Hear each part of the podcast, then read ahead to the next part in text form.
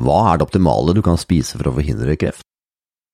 Hva er den beste treningen eh, mot kreft, og ikke minst hvis du skulle ha fått det? Og hva er det som eh, anbefales at vi får oss eh, daglig av D-vitaminer? Hei og velkommen, mitt navn er Frank Nilsen. I denne episoden av Andre boller så snakker vi med lege og forfatter Øyvind Torp.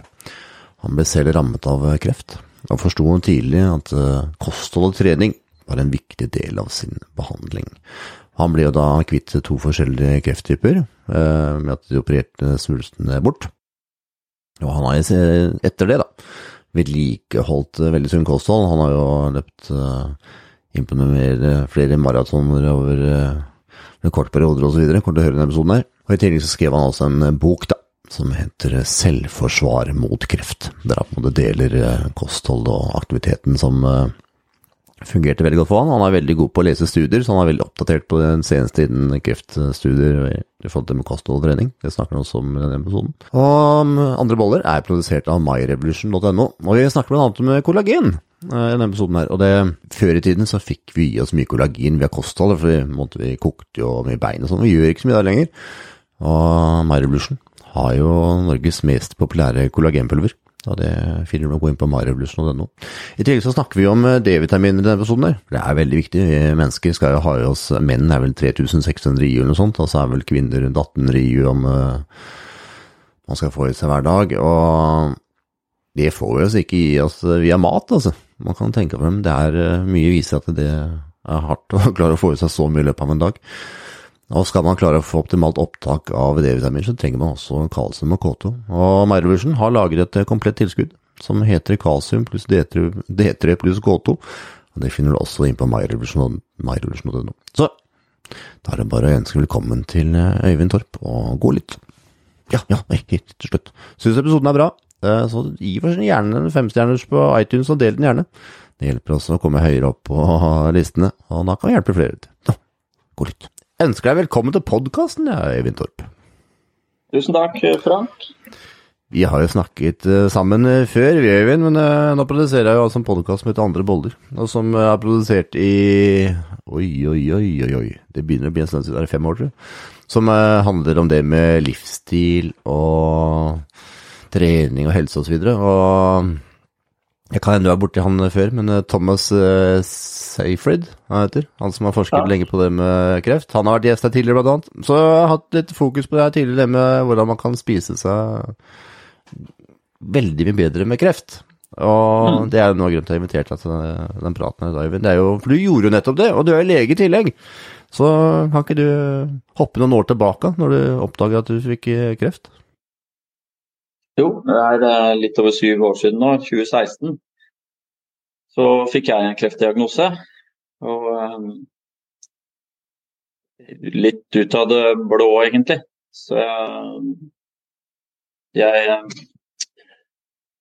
På det tidspunktet så virka det ganske alvorlig, sånn jeg tolka det. Og det var to ulike krefttyper på en gang. Så det, det var jo et sjokk.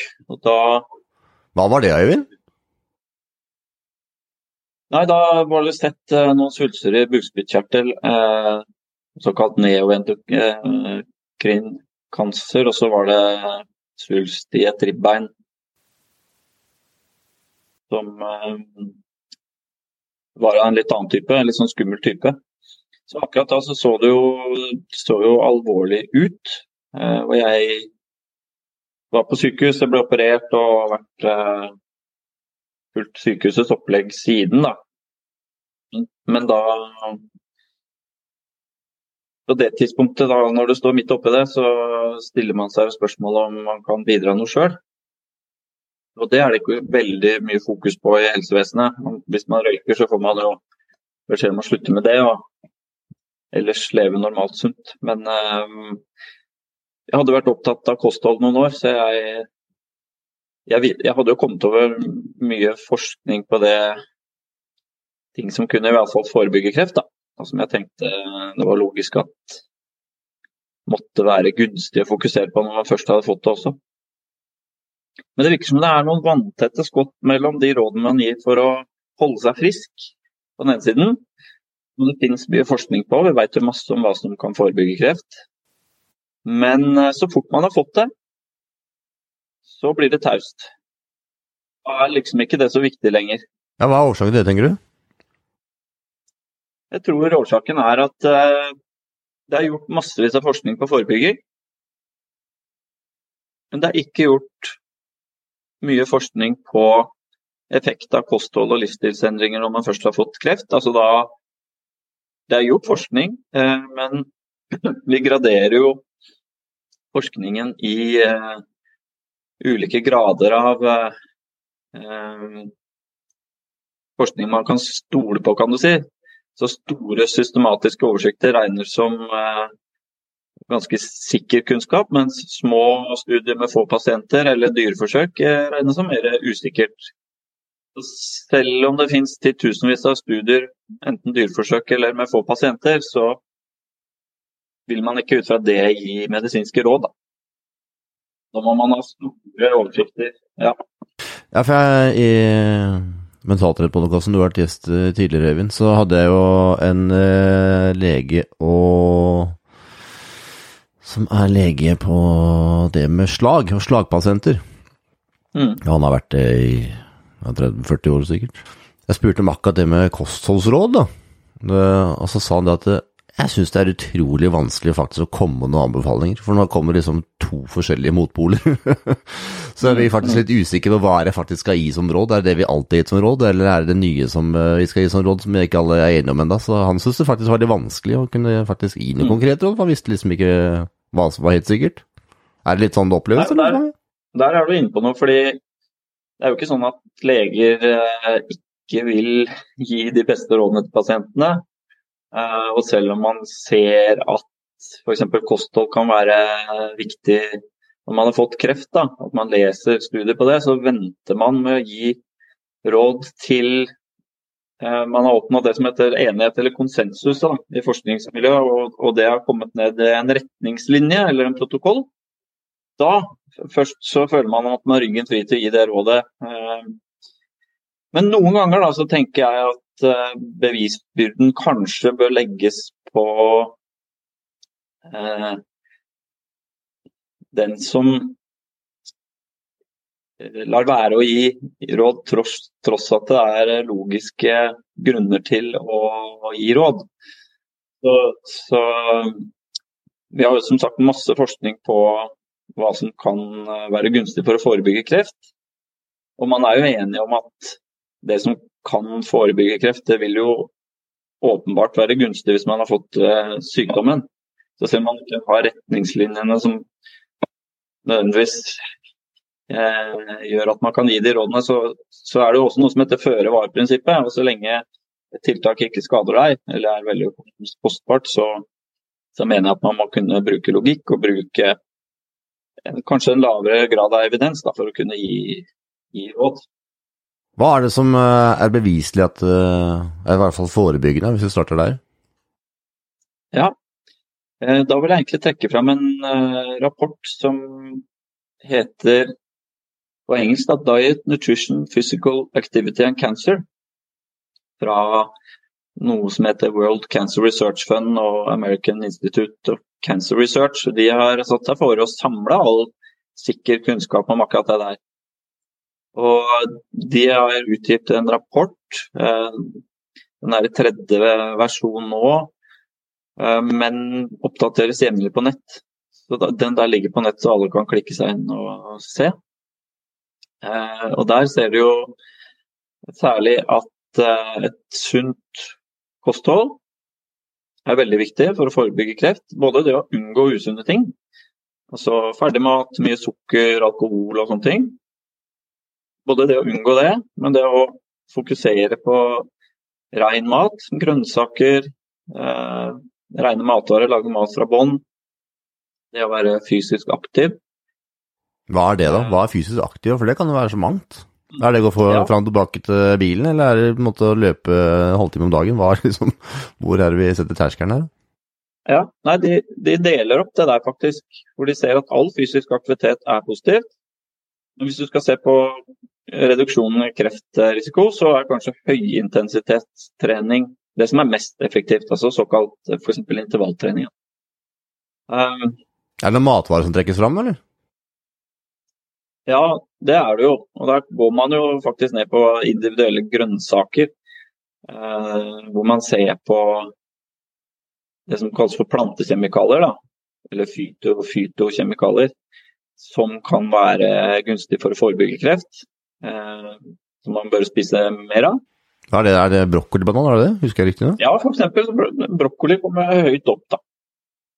En del sånne grønne, mørkegrønne grønnsaker kommer høyt opp på, på skalaen. Mm. Er det fordi de har mye klorofyll, er det derfor? Husker jeg? Nei, det handler, det handler, om flere ting, men bl.a. de her ulike plantekjemikaliene som har forskjellige navn. Og det er jo flere kjemikalier i en plante. Eh, og så ser man at hvis man blander flere av de, jo flere man blander, da, blander grønnsaker, jo, jo, mer effektivt blir det. Det er det ene. Det andre er at hvis du satser på grønnsaker, så satser du mindre på noe annet. ikke sant? Så hvis grønnsakene erstatter noe mer usunt, så har du både effekten av grønnsakene som er gunstig, og så har du at du fjerner, fjerner det ugunstige. Da, så har du på en måte en dobbel effekt. Ja, sant det. Det er et godt poeng. Hva var det din favoritt-salatskål så ut da? Var det grønne blader og brokkoli, eller hva var det som hva var oppi der? hva sa du, må gjenta? Hva, hva, var, ditt, hva var din favoritt-salatskål da, Eivind, når du på en måte skulle blande mest mulig grønnsaker som hadde en helseeffekt? Hva var det ja, du hadde oppi der? Mm. Nei, men Hvis jeg skal velge fra topp til lista på hva som kan synes mest effektivt, så har du jo ting som eh, rosenkål, du har grønnkål, brokkoli, eh, blomkål. Eh, du har løk, selvfølgelig. Ja, hvorfor det? Hvorfor løk? Hvorfor løk, ja. Eh, nei, der kan du virkelig dykke ned. Altså, kanskje hvitløk er mest effektivt, men det er jo masse forskning på det med løk, særlig på hvitløk, som har både antibakterielle, men også antikreftegenskaper. Eh, hvitløk bl.a. ble jo kalt for russisk penicillin under krigen, fordi før antibiotikaens tid så måtte man jo prøve å, å lege sår på andre måter. Så honning var brukt, hvitløk var brukt bl.a. pga. de antibakterielle egenskapene. Da. Det er mye spennende. Hva? Tar du da helst rå den hvitløken, eller? Eh, det, jeg, jeg, vet faktisk ikke hvordan du brukte det. De fleste vil jo Jeg, jeg spiser jo en god del hvitløk. Eh, kutter opp og har i omeletter og, og maten. Jeg prøver å bruke litt ulike løkvarianter, da. Variere. Men det som, er, det som er, litt eh, spennende, tenker jeg, som kanskje ikke er så godt kjent, det er hvorfor er det gunstig å spise mat fra bunnen? Hvorfor hvorfor er det ugunstig å spise ferdigmat, f.eks.? Og Det skriver de masse om i den rapporten jeg nevnte. For, eh, de ser jo det at eh, ferdigmat altså f.eks. har mye sukker i seg, og, og, kan virke sånn at det framkaller betennelse, eller inflammasjon som det heter. Det kan gi kreft fordi mye sukker og karbohydrater det øker eh, hormon som heter insulin. Insulin er jo det hormonet som skal hjelpe sukkeret i blodet over i de cellene som kan bruke det, så det er jo i utgangspunktet et helt livsnødvendig hormon. Eh, og det er der jo fordi når vi har overskudd på næring, så skal vi, så skal vi bygge opp eh, fettlagrene våre. Sånn at vi har overskudd hvis det blir eh, sult. Så Det er et bra hormon. og Hvis det blir for mye av det, så det er jo et hormon som, sagt, som bygger kropp som er et anabolt hormon. Hvis det blir for mye av det, så vokser jo kroppen for mye. Vi får for store fettlagre. Og det at det er overskudd på næring og signaler til å vokse, det er dessverre også sånn med kreftcellene. At de vil også vokse. De vil også utvikle seg da, eh, som respons på det hormonet.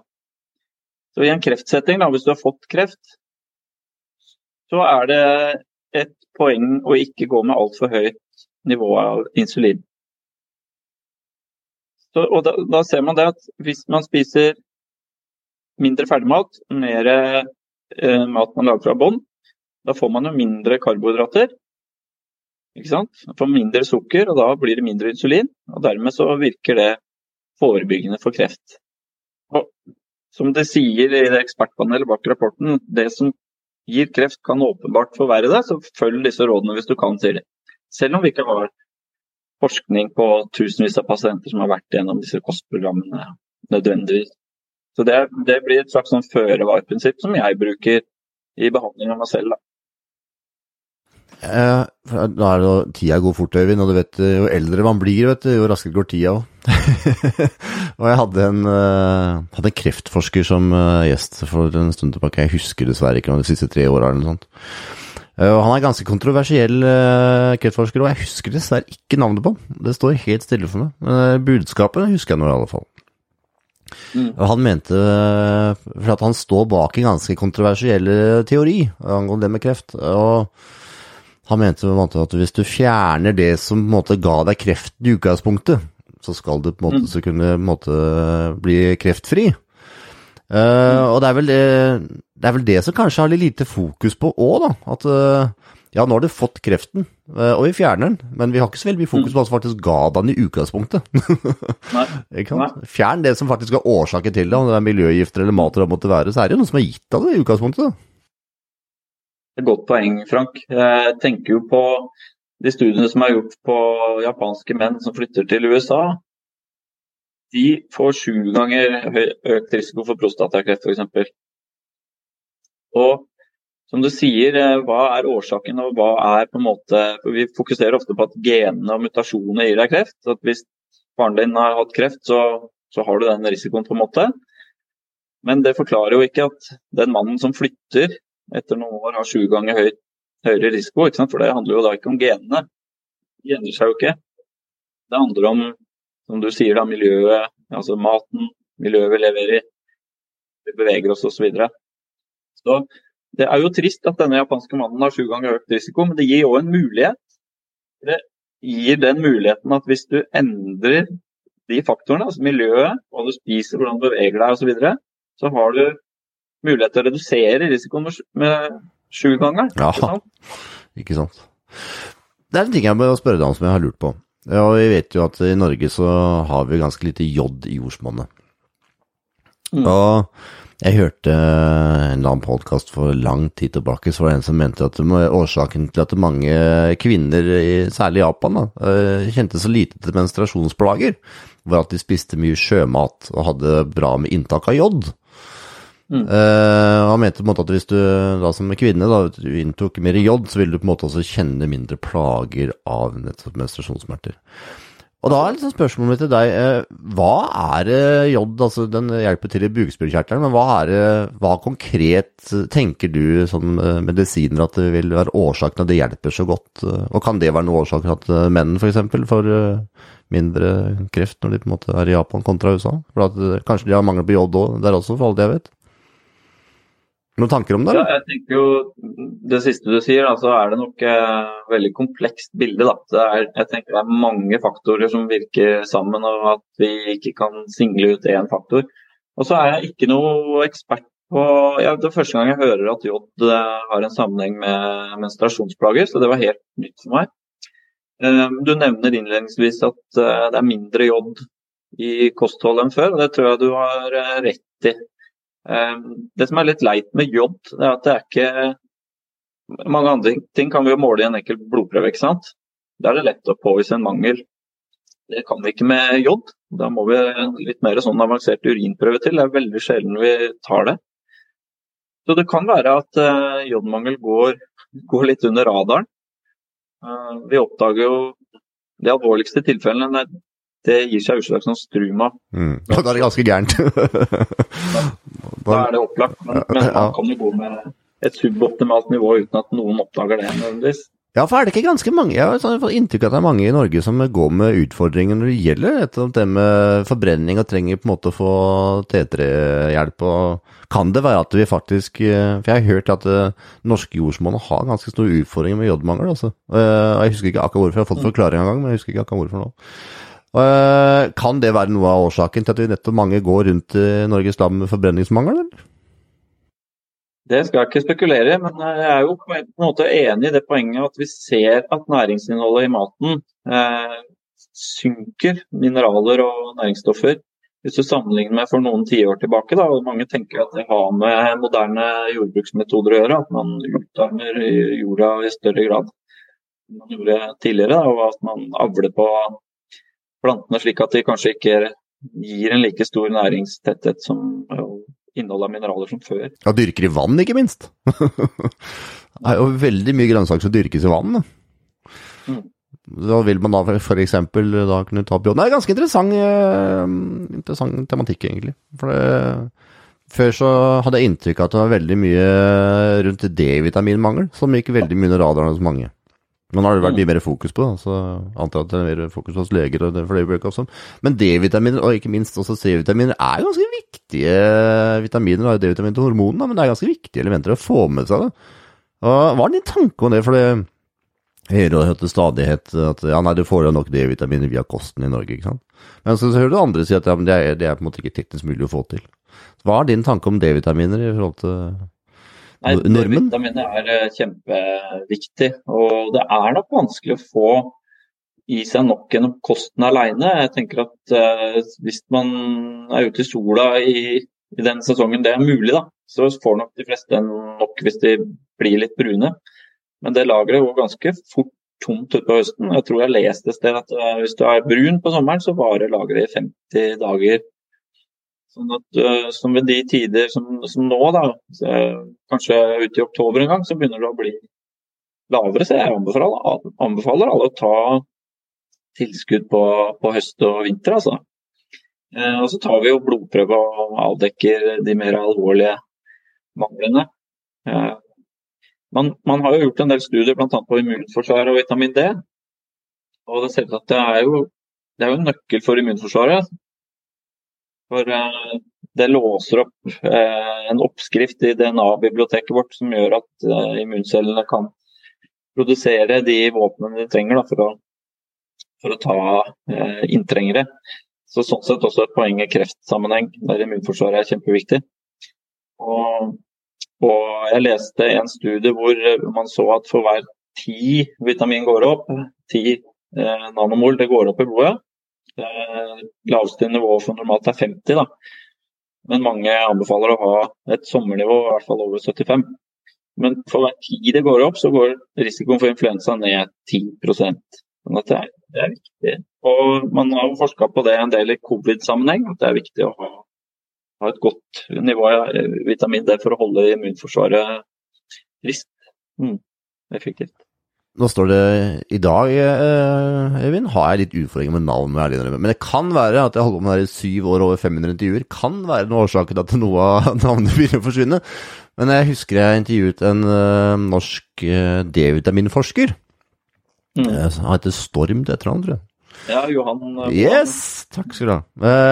Og jeg intervjuet han for noen år siden. Uh, og akkurat det med produksjon av D-vitaminer og sol. Og det her tror jeg er sånn informasjon som ganske få ikke har fått med seg.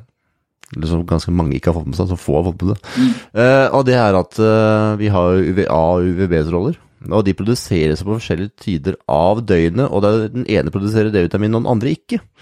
Og, i Norge, kontra vinkling på sola, så produserer vi altså ikke D-vitamin etter klokka 16.00. Mm. Så hvis ja. du har blitt brun før klokka 16, så har du produsert D-vitaminer. Og har du ikke gjort det, så har du ikke produsert D-vitaminer i det hele tatt. så Solkrem, solkrem på deg, så, så hemmer det jo Ja, det er ikke minst det òg, da. Så er det noe med at eh, mange kan jo gå rundt og ha en tanke om at de har høye D-vitaminnivåer fordi at de har vært i sola brune uten å faktisk ha det. Og det er en sånn viktig greie å få med seg. Det er klart at uh, vi er jo redde for føflekkreft, så mm. det er jo viktig å ikke bli brent. Men det må være en balansegang, så man også får litt farge. Altså. Alt en måte. Ja. Og jeg har ikke brukt uh, solkrem på mange år, men jeg har også prøvd å regulere den tida jeg står og steker meg i sola òg. Så mm. regulerer man det ganske godt, så går det ganske greit. og jeg blir ja, fort brent. Det, det, det, er klart, brunfarge er jo den beste beskyttelsen mot å bli brent, hvis man mm. har et grunnlag. Mm. Når vi snakker om det med D-vitaminer, så er det vel også sånn at uh, for å få det optimale opptaket, uh, så må det det er jo en måte å ta det opp på, da. Det må helst tas med fett osv. Så, videre. så eh, hva anbefaler du da, for at man liksom eh, faktisk kan få best mulig opptak av det, det man inntar av D-vitaminer? Har du råd? Ser jo uh, De som har de aller laveste nivåene som det er vanskelig å få opp, da, har jo ofte et sånt opptaksproblem i tarmen.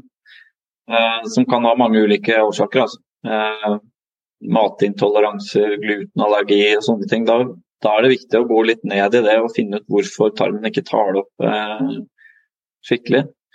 Så um, det er noen vi strever med. Noen familier eh, hvor det er litt genetisk og hvor det er veldig, veldig lavt, og som må ha høye doser med tilskudd. Da.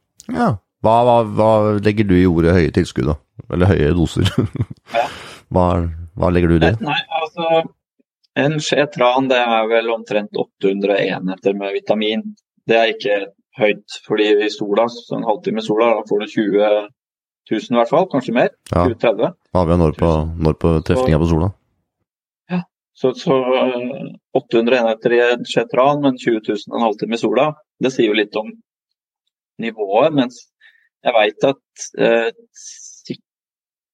sikkert tilskudd, da, det at det skal være sikkert Jeg har i hvert fall sett at inntil 10 000 enheter er sikkert daglig. Og tidligere ga vi jo 30 000 en gang i uka. Hadde en sånn høydosepreparat. Eh, men du får jo kjøpt reseptfri eh, opptil 4000 enheter i hvert fall. Jeg mener det er det det er, hvis jeg ikke tar feil. 3002, ja. Så det å ta mellom 2000 og 4000 enheter tenker jeg er eh, greit. Det er altså 40 mikrogram til 80 mikrogram. Det er ikke for høyt hvis du har en mangel. Uh, som sagt, Øyvind, det er, tiden flyr. Og jeg intervjuet for noen år tilbake Michael Hollick. Han som er mannen som er årsaken til at de faktisk kan måle D-vitaminer i blodet. det var han som, var han som fant det. Uh, og jeg minnes å huske at han sa den gangen jeg pratet med ham, at uh, menn skal ha 3600 internasjonale units om dagen i minimum, og kvinner 1800 eller noe sånt, eller 2000 internasjonale units. Og Han er jo professor, minst jeg husker, på Boston University, og de har utvikla en app som heter D-Minder.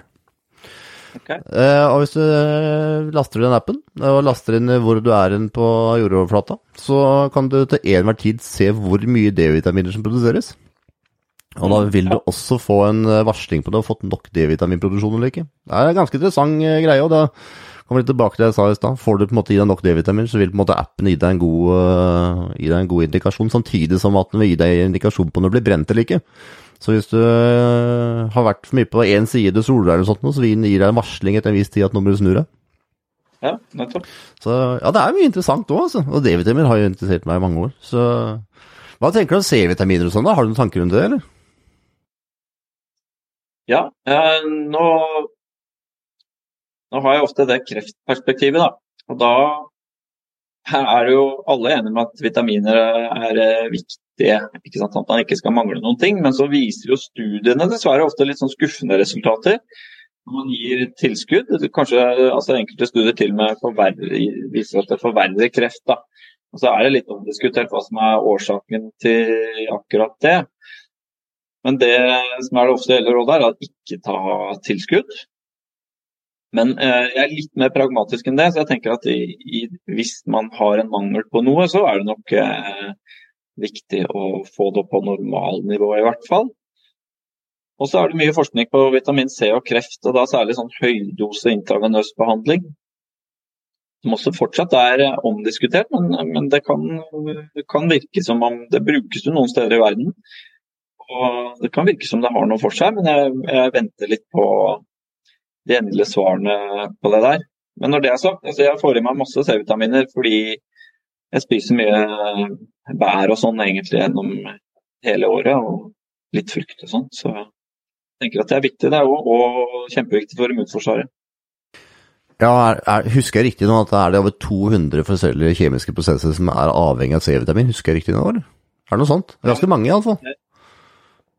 Jeg veit det er mange, jeg veit ikke tallet. Det kan godt hende du har rett i det. altså. Det er noe rundt der en plass.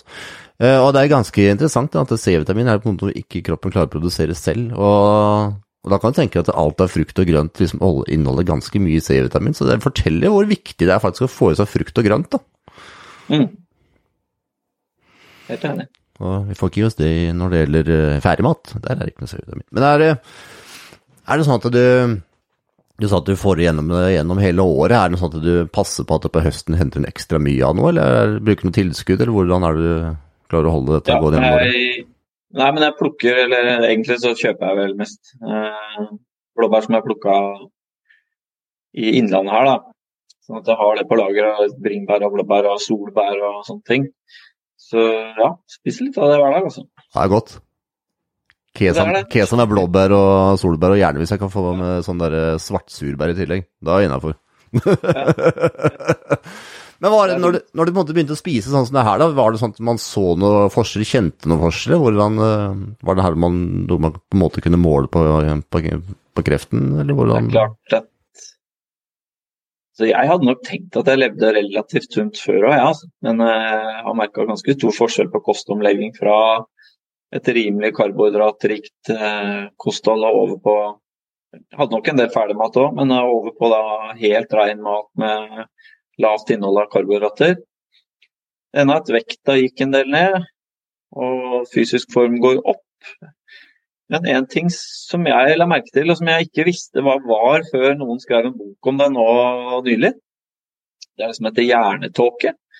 Som er et begrep som jeg kunne kjenne meg veldig igjen i da jeg leste en bok fra Erik og Sofie Hekseberg nå, som eh, kalles for 'Ut av hjernetåken', som ble utgitt nå i januar. Som var en sånn slags sånn slør over dine kognitive evner da, som gjorde at du glemte ting og var ukonsentrert og mye sliten og sånn. Eh, som jeg kjente veldig på. Kunne glemme viktige ting og tenkte at det, må, det, er sikkert stress. Og jeg tror stress er en del av uh, årsaken. Men når jeg la om kostholdet og slapp disse her blodsukkersvingningene og eliminerte på en måte mat som kanskje kan ha påvirka det negativt, så var det akkurat som en tåke letta, og jeg begynte å huske mye bedre og mye mer konsentrert. Humøret steg. Altså, det skjedde ganske mye positive ting for meg personlig da når jeg, når jeg eh, endra kosthold radikalt. Så jeg, har snakka med mange i etterkant som kan kjenne seg igjen i de symptomene der. Så jeg vil egentlig anbefale den boka, 'Ut av hjernetåken', Cappelen Dam. Jeg skal sjekke opp den etterpå, så skal jeg se om jeg får tak i en ny forfatter av den boka. ja, det må du gjøre. De er veldig engasjerte og flinke. De skriver masse bøker. For det, det med hjernetåke, og spesielt inflammasjon, tror jeg det er mange som ikke er klar over. Og Norge er, er jo en veldig brødnasjon, ikke sant. Mm. Jeg tror det er ganske mange som går rundt med leddeplager i dag som ikke klarer å koble det til brødet, altså. Ja, vi ser i hvert fall at jeg nevnte det med insulin som øker når du får sukker i blodet, eller karbohydrater. Altså, brødet blir jo til glukose eller sukker så fort det er nedi tarmen.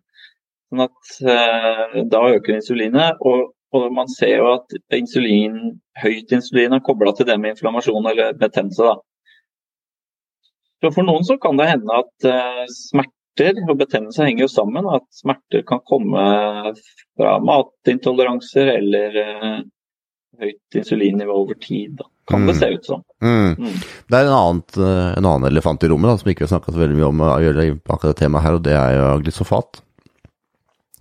Glyfosat er jo det stoffet som er i Roundup, blant annet, som, eh, som brukes i sprøytemidler. Og det mm. brukes jo ganske mye sprøytemidler i Norge og andre land da, i produksjon. Og glysofat det er jo da et uh, hormon. og nå har jeg bodd på landet det siste året, Øyvind, og jeg har lagt merke til at det Jeg er jo litt, er litt kritisk til sånt, for jeg på en måte har lest mye om det. Mens de som bruker det, de tror jeg ikke har lest like mye om det. Så deres uh, tanke om risiko rundt glysofat, den er egentlig ikke-eksisterende. For det har de på en måte hørt så lenge de på en måte har drevet med det, at glysofat er på en måte ikke skadelig på noen måte, for det er et hormon som ikke er farlig. Og når man leser en rekke studier om det, da, så kan man på en måte se at glysofat kan jo på en måte gi en stressrespons i kroppen, i tarmen. Og mm kan jo være en årsak, det òg, da. At det kanskje ikke det er gluten du reagerer på, men kanskje det faktisk er glusofat som du reagerer på, som gjør at du får en inflammasjon, nettopp fordi det gir en stressrespons. Ja, og Da kan det være at eh, kanskje ikke skal kutte brød, men gå over til økologisk korn, f.eks. Se om det kan hjelpe. Ja, jeg, tror, jeg, jeg, jeg syns jo økologisk er et poeng. Altså Hvis man kan unngå eh, sprøytemidler som en del av eh, ja, å eliminere ting som kan gi risiko og som kan gi forverre helse, så er det et poeng. Og det er klart det er dyrt, da. Økologisk mat er, dyrt, og i disse tider hvor mange sliter med regninga på handleposen allerede, så, så, kan du spørre deg om har vi lagt nok til rette for at folk kan spise sunt og gunstig. Jeg mener kanskje ikke det. At, eh, jeg tror vi hadde spart på det andre enden, da. Hvis vi hadde gitt folk muligheten til å spise sunn mat, og kanskje hadde redusert eh, Eller gjerne øke prisen på sukker, for min personlige mening, men, men, jeg tror for folkehelsa sin del så hadde vi nok spart penger i det lange løpet hvis vi hadde lagt til rette for eh, optimalt sunn kost for folk flest. Hva er dine tanker om kollagen, da? For kollagen er jo noe som hjelper for veldig mange. Har du dykka noe i det, eller? Min holdning er vel at uh, det er ikke alt vi behøver å ta tilskudd av. Jeg tenker at Hvis man spiser uh, mat som, uh, som gir kollagen, så vil det kunne være nok. Da. Men, Men gjør vi det lenger, da? Det er ikke alle som tåler alt. Nei, men gjør vi det lenger, Eivind? For jeg har inntrykk av at det er jo kollagen får man på en måte hvis man er god til å Sånn som her i huset, så er jo fruen veldig god til å koke bein. Ikke sant? Koker man bein, så får man mye kollagen. Nei, gjør man det så mye lenger, da? Jeg tenker at innmat spiser vi heller aldri lenger, så får vi egentlig særlig kollagen fra maten i det hele tatt, fra kostholdet. Litt sånn som D-vitaminer i stad. Nei, nei, det er et veldig godt poeng, det. altså. Og det er jo forskjell på hvordan våre bestemødre lagde mat og hvordan vi gjør det, og bruk av kraft som de var veldig vant med. ikke sant? Det er du jo så spesielt interessert i i dag, så jeg, jeg tror du har rett i det. altså Det har nok gått i den retningen. Mm. Ja, for det, som sagt, jeg har bodd på landet det siste året. For det som har uh, fått med historien, så ikke har fått med meg det. Så for et års tid siden, Øyvind, så var vel våren i fjor, tenker jeg, så har jeg de siste årene slitt så vanvittig med alltid være sliten. Jeg var alltid gående, jeg skjønte ikke hva det var, jeg ble mer og mer tung.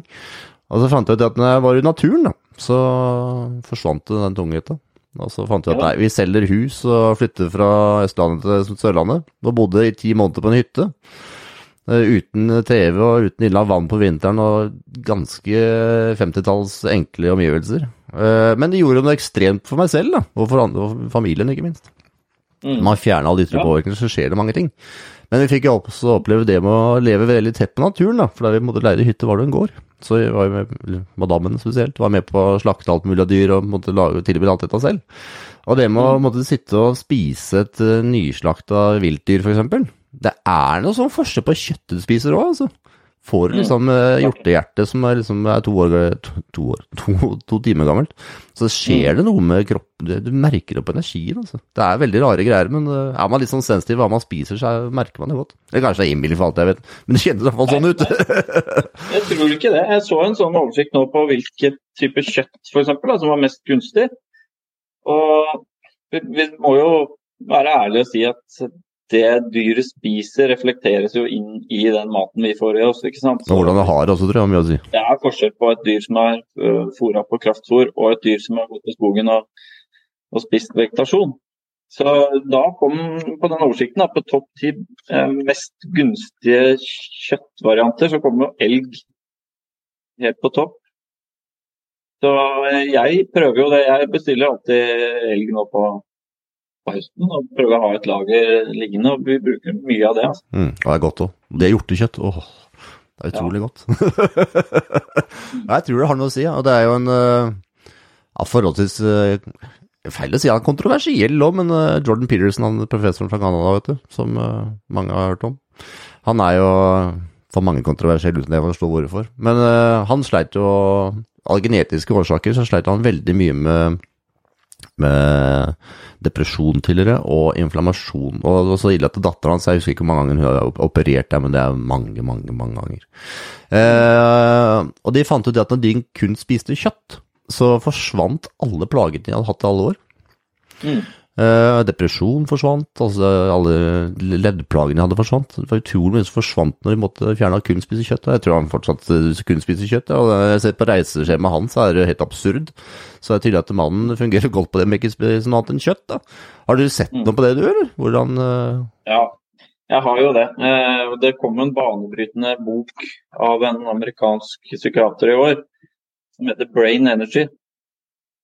Som kobler Mye bra bøker du får med deg, Øyvind. Det er bra jeg prater med deg her. Mye bra nå. Ja, den, den, bør du, den bør du lese, for den åpner eh, altså Det er så mange brikker som faller på plass. da.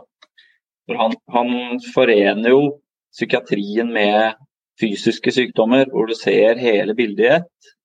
Hvor du ser eh, hvordan ting som gir eh, fysisk sykdom, selvfølgelig også påvirker psyken. Og alt dette har samme felles årsaksfaktorer. da. Hvorav maten og livsstilen vår er kanskje kjernen i det hele. Så det den personen har gjort med å da bare gå, gå over til å spise kjøtt, det er jo, som jeg var inne på i stad, du får jo stort sett alt det du trenger i, i kjøttet av eh, livsviktige næringsstoffer. Og så tar du bort en hel masse som, du, som kanskje har påvirket deg negativt i tillegg. Er det han der Christopher Palmer? Det er for depresjon, det er jeg helt overbevist om. Mm. Er det Christopher Palmer, er det han som har den? Er det han? Ja, det er Chris Palmer. Um, så den er, mener jeg er banebrytende og veldig spennende. Den første konferansen i metabolsk psykiatri ble holdt i USA i år. Som handler om dette her med stoffskifte og omsetning i kroppen. Hvordan uh, mat og livsstil påvirker det psykiske velværet vårt da, og gir psykisk sykdom. men Det kan gjøre det bedre. Så det, dette er kjempespennende. Men tror du det her har vært liksom vei å gå, eller? For vi har jo hørt i mange år at uh, antidepressiva måte skulle fungere. og Så kom det dansk studie for noen år siden som viste at uh, ja, fysisk aktivitet hadde på en måte bedre eller like virkning. Tror du på en måte det er en sånn Det har vært noen steg å gå her, da? At vi, vi mm. Ja, før vi har kommet ja, helt hit? Det er, det er sant. Den boka til Anders Hansen, en svensk uh, psykiater, som heter 'Bli hjernesterk', viser jo det at han drar fram akkurat det der, at eh, fysisk aktivitet har like bra effekt som antidepressiva. Jeg tror antidepressiva har en plass, men at eh, man ikke bare skal satse på det. Men man må tenke mer helhetlig rundt det med psykisk sykdom. Så ikke bare i en pille, men som du var inne på i stad, gå til rotårsaken og, og, jobbe med de tingene der parallelt. Og så trenger man ikke bruke antidepressiva hele livet, man kan bruke det kanskje i en fase hvor man trenger å komme seg gjennom en uh, krise, kanskje. Uh, men vi må ikke tenke sånn at en depresjon er for disse, stoffene kalles jo for SSRI, ikke sant? At depresjon er en mangel på at vi tar en pille som gir noe som har blitt borte, det er kanskje litt enkel måte å tenke på det på, akkurat som et kosttilskudd. Eh, vi må nok gå liksom litt dypere i rotårsakene til at man ble deprimert i utgangspunktet. Da. Ikke bare tenke at det er kjemisk. Kan vi ta en liten sånn kjemisk digresjon her? Det er kjemisk kontroversiell digresjon her nå, Øyvind. Og det er jo, man hører ofte at uh, grunnen til at du sliter med depresjon eller på en måte nedstemthet, eller er at vi mangler jo enten serotonin eller så mangler vi dopamin. Som lege, måler du noen ganger det i blodet, om det på en måte har optimale verdier av serotonin eller dopamin? Nei, det, det måler jeg ikke. Så da Jeg er faktisk ikke sikker på om det går å måle serotoninnivået. Det er jo så Jeg tenker én ting er hva, hva Nå er jeg litt på utrygg grunn, kjenner jeg. Men bare sånn for å tenke høyt, en ting er hva man eventuelt oppdager i blodet, men hva er det på cellenivå der hvor det skal virke som kommunikasjon mellom nervecellene? Det er jo vanskeligere å påvise, tror jeg. Så nei, det er i hvert fall som fra et allmennpraksisperspektiv aldri noe vi måler. Nei, og grunnen til at jeg spurte, er for at jeg hadde en veldig kontroversiell gjest. Jeg har hatt mye kontroversielle gjester i det siste. og det er for at man holdt på i mange år på én side, så er det morsomt å høre andre sida. Og han, eh, var, han jobbet i 30 år som, som, eh, som uh, mennesker som var schizofrene på høye, sånne høyanstaltsfengsel i USA. Ja, han mente jo det at man kan på en måte ikke måle den der ujevne den der, Man mener jo på en måte at serotonin det er jo Man blir nedstemt fordi man mangler serotonin, da. Og på en måte hans påstand er jo på en måte at man kan jo egentlig ikke måle serotoninnivået. Man kan ha en tolkning om at det er lavt ut fra, spørre, ut fra spørsmål man stiller. Og ut fra spørsmål man stiller, så har man på en måte en oversikt. da. Har du svart ja nok på disse spørsmålene? Ja, ok, da er lavt nivå. Så, og det er jo egentlig en sånn ganske interessant debatt, egentlig, da, for da sier man egentlig at ja, hvis du har svart ja på spørsmålene her, så har du på en måte laser til nye nivå, som vi egentlig ikke kan måle. Men vi kan måle den tilstanden du har. Det kan vi jo si. Vi kan si at du er nedstemt. Men så er det denne tilbake til debatten om rundt serotonin igjen. er ganske, jeg syns det her er en interessant eh, tanke rundt det, da. For vi har jo på en måte en, et spørreskjema rundt det, det stoffet vi ikke kan måle. Det Men vi kan måle et tilstanden, og det kan vi jo. Hvis vi skal ta et bilde på det der, så er det noen som sier at hvis vi har en eh, pasient med noen smerter, eh, som blir smertefri med Ibux, eh, så kan du sammenligne det med en som er deprimert og får eh, serotonin. For man kan si at eh, den pasienten som ble smertefri, han hadde Ibux-mangel. Fikk Ibux, og så ble symptomene borte. ja. Sånn med depresjon hadde serotoninmangel, og så ble symptomene borte. ikke sant? Så vi, vi kan ikke tenke så enkelt på det som at det er stoff som mangler, og så gir vi det, så er det er problemet løst. Det er, kan som sagt være en eh, god hjelp for mange, men vi må tenke litt bredere. Mm. Ja, for det jeg tenker rundt det, at, uh, min forståelse av det, er at ofte så er det jo hemmende for at du ikke skal kjenne den vonde følelsen. Uh, og når man ikke kjenner en vond følelse, så vil du på en måte ha fokus på noe annet, så kanskje at du føler deg bedre. Ja, som sagt, jeg, jeg skriver ut uh, av og til, ja, altså, fordi det er klart at det har nok redda mange liv også. Så til sitt bruk uh, i krise så tenker jeg at det kan være en god hjelpende hånd. Og så må vi ikke bare satse på den ene hesten, som sagt. Ja, nei, det var bare digresjon uh, for min del. Altså. Det var bare, jeg synes det var interessant å snakke litt om det. For det, er, uh, det skrives ut en god del av det i Norge, og Det gjør det. mange, mange bruker det over lang tid òg. Så jeg synes det er et viktig tema å ta opp. Ja, fortsett videre på kreften. Det har vært så mange digresjoner i alle retninger at vi fortsetter videre. Vi, Øyvind, du fikk jo behandling og fortsetter å spise sunt under den, eller? Det har jeg gjort. Så jeg går jo jevnlig til kontroll, men jeg har klart meg fint i sju år nå. Så Du tok cellegift, da, eller? Nei, det har jeg ikke tatt. Men jeg har operert. Og så har ting vært stabilt, uten at jeg, jeg er ikke erklært frisk, altså. Men uh, ting har vært helt stabilt. Og da bruker jeg føre var-prinsippet og benytter alle metodene jeg kan for å, som jeg har funnet kan være gunstige når man har fått kreft. Jeg skrev jo om det i den boka som heter 'Selvforsvar mot kreft', som ble utgitt i 2019. Eh, de tiltakene jeg har gjennomført, og hvorfor. Bakgrunnen for de. Og det har jeg fortsatt med til den dag i dag. Og føler ikke at jeg kan ta sjansen på å avvike fra de. Det er det ene. Det andre er at jeg lever jo veldig godt med det. Så helsa mi er jo mye totalt sett. sånn at jeg får jo Selv om jeg kanskje er litt her hvis jeg blir bedt i et selskap og hopper over kaken og, og forskjellig, så, så tenker jeg det er verdt det. da.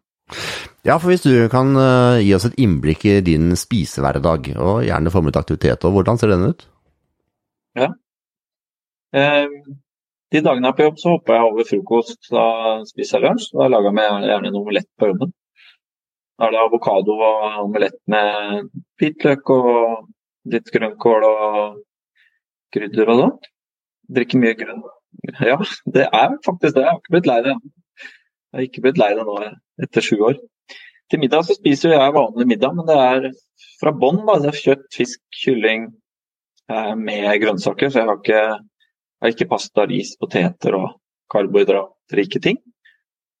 Eh, Jeg bruker ganske mye olivenolje. God olivenolje over de tingene jeg spiser, om det er salater eller middag eller omeletten for den saks skyld. Så jeg får i meg nok eh, sunt fett, det tenker jeg er et poeng. Det holder meg mett lenge, og olivenoljen er jo gunstig på andre måter. Til kveld så kan det hende at jeg tar et proteinrundstykke med smør og pålegg. Det er jo veldig lavt på karbohydrater og er lagd på egg og cottage cheese, eh, havre. Um, sånn at det blir vel under fem gram per rundstykke omtrent. Så det er sånn standard dag, og så trener jeg noen ganger i uka. Prøver å få inn to økter med høy intensitet, og trener styrke to ganger. og En sånn litt roligere tur og tur med bikkja. Prøver, prøver å være aktiv, da. Minst ikke jeg husker at du var vel ute og løp litt òg, du? Var det ikke for noen år tilbake? Jo, stemmer det. Vi hadde prosjektet 2018 hvor vi løp sju maraton på på 13 dager. Da starta vi i Paris, og så endte vi opp i Moskva. Uh, som var det er et sånt kreftprosjekt. da. Det er litt rødt å tenke på i dag at vi løp inn på Den røde plass for fem år siden, liksom. Det er rimelig uaktuelt. Det var litt vanskeligere i dag, men det er jo ganske imponerende å løpe eh, syv maraton på så kort tid. da. Og Spesielt etter at man var kreftoperert òg, tror du Nå begynner det ren spekulasjon, men tror du at du skulle klart å få til det med den andre type dietten nå, sånn som du spiste før? Det kan jo hende. Jeg løp maraton før eh, LAM også. Men det er klart, det var en del flere kilo på kroppen, så belastningen på beina blir jo større. så Jeg vet ikke, eh, rett og slett. Jeg føler vel det er lettere å løpe nå med, med de endringene jeg har gjort. Jeg vil anbefale deg som eh, hører på, å bestille boken 'Selvforsvar mot kreft'. For det det er viktig å ikke måtte alltid ta ting når det faktisk står og lyser deg midt i trynet. det er noe å gjøre mange av tiltakene i forkant. For det en annen spørsmål, et spørsmål jeg må stille deg på slutten, for mange vil jo tenke at når kreften på en måte blusser opp, så er jo, da slår jo stressresponsen inn for fullt. ikke sant? Kommer jeg til å mm. overleve det her, eller hva skjer, osv. Det er jo total uh, panikk. Eh, hva gjorde du for å klare å håndtere den frykten, da? For det, jeg tror det her vet jo du veldig godt, stressrespons er vel nesten noe av det mest ugunstige en kropp på en måte kan ha over tid. ja, det er ikke bra å gå med for høye stresshormoner. Så jeg tror bevisst eller ubevisst, min greie var jo å ta tak, ikke sant. Begynne å jobbe med et opplegg som, som jeg hadde håp om kunne hjelpe meg, da. Ikke sant? Som, som da var dette kostprosjektet, som var trening, som var å lese alt jeg kom over av studier. Da, det ble jo et sånt heltidsengasjement for meg. Som gjorde at jeg ikke fikk tid kanskje da, til å sitte og tenke disse mørke tankene, og heller fokuserte på hva som kunne være positivt for meg. Altså, jeg har jeg aldri tenkt at, at dette skal gjøre meg frisk. Altså, jeg er jo ikke urealistisk heller, men jeg har tenkt at jeg har lyst til å gjøre det jeg kan for å få en best mulig prognose. Altså, jeg, jeg, jeg har aldri, når jeg hjelper folk med råd, så har jeg aldri sagt at dette skal gjøre deg frisk. Det ikke, jeg tenker det er ikke det det handler om. Det handler litt om å håndtere den frykten og stresset som du sier, og ha sitt eget prosjekt. og Få en bedre livskvalitet på det. Og så er det jo gode holdepunkter for at det også kan hjelpe for selve sykdommen. Så det er to sider ved det. altså Både det psykiske og livskvalitet og velvære. Mindre stress, men også de fysiske direkte effektene av å legge om. Mm. Så lenge du nå har holdt deg eh, kreftfri til nå, tenker du at det var kosthold som var årsaken du fikk det i utgangspunktet, eller så lenge det ikke å blusse opp igjen? Og som jeg sa det innledningsvis, så ja. det er en kontroversiell tanke at man får noe av en grunn å fjerne, og forsvinner. Så hvis vi skal tenke litt i de, de baner, tror du du fjernet det som var årsaken til at det kom i utgangspunktet? eller? Jeg tror jo det, men jeg kan jo aldri Jeg vet jo ikke. Men det jeg kan si, er jo at Eh, hvis du ser på de viktigste risikofaktorene for kreft, da, som gjør at de fleste får kreft, så er det på topp av røyking. Der, det gjorde jeg ikke, så det var grei. Eh, nummer to, som er i 30% av tilfellene, er jo ugunstig kosthold og livsstil. Eh, og jeg tenker kanskje at det var der hovedårsaken lå hos meg. Eh, at jeg ikke levde så sunt som jeg hadde tenkt. Altså. Og så var det kanskje noe genetikk i bildet, men gener er nok mye mindre viktig for risiko enn det man skulle tro. Da man så danske tvillingstudier har vist at uh, omtrent 27% av krefttilfellene kan relateres på en eller annen måte til gener, mens 73% er miljøpåvirkning. Men kanskje så lavt som 5% er bare rent genetiske uten noe påvirkning utenfra. Sånn som mange har hørt om Angelina Jolie, som har en brystkreftmutasjon da, som gjorde at hun fjerna brystene sine for å slippe å få brystkreft. Eh, og Sånne tilfeller er bare 5% som er sånn helt rent genetiske. Så det aller meste er miljørelatert. Relatert til hvordan vi lever, hva vi spiser, hvor vi beveger oss, hva vi får i oss av giftstoffer og sånn. Så det, Sånn sett så kan du si at det aller meste kan gjøres med, eller endres. Eh, påvirkes i positiv retning. Da. Og Det tenker jeg må, bør være mer fokus på helsevesenet når man har fått kreft. At det meste er miljørelatert, og da bør man endre, som du er inne på. Det som ga deg det utgangspunktet. Så, eh, det der er jo veldig opplagt f.eks. For, for lungekreft. Fordi eh, rotårsaken til lungekreft skjønner de fleste er røyking. Da. De fleste lungekrefttilfeller. Og da får man jo beskjed om å slutte å røyke. Men hva med andre kreftformer?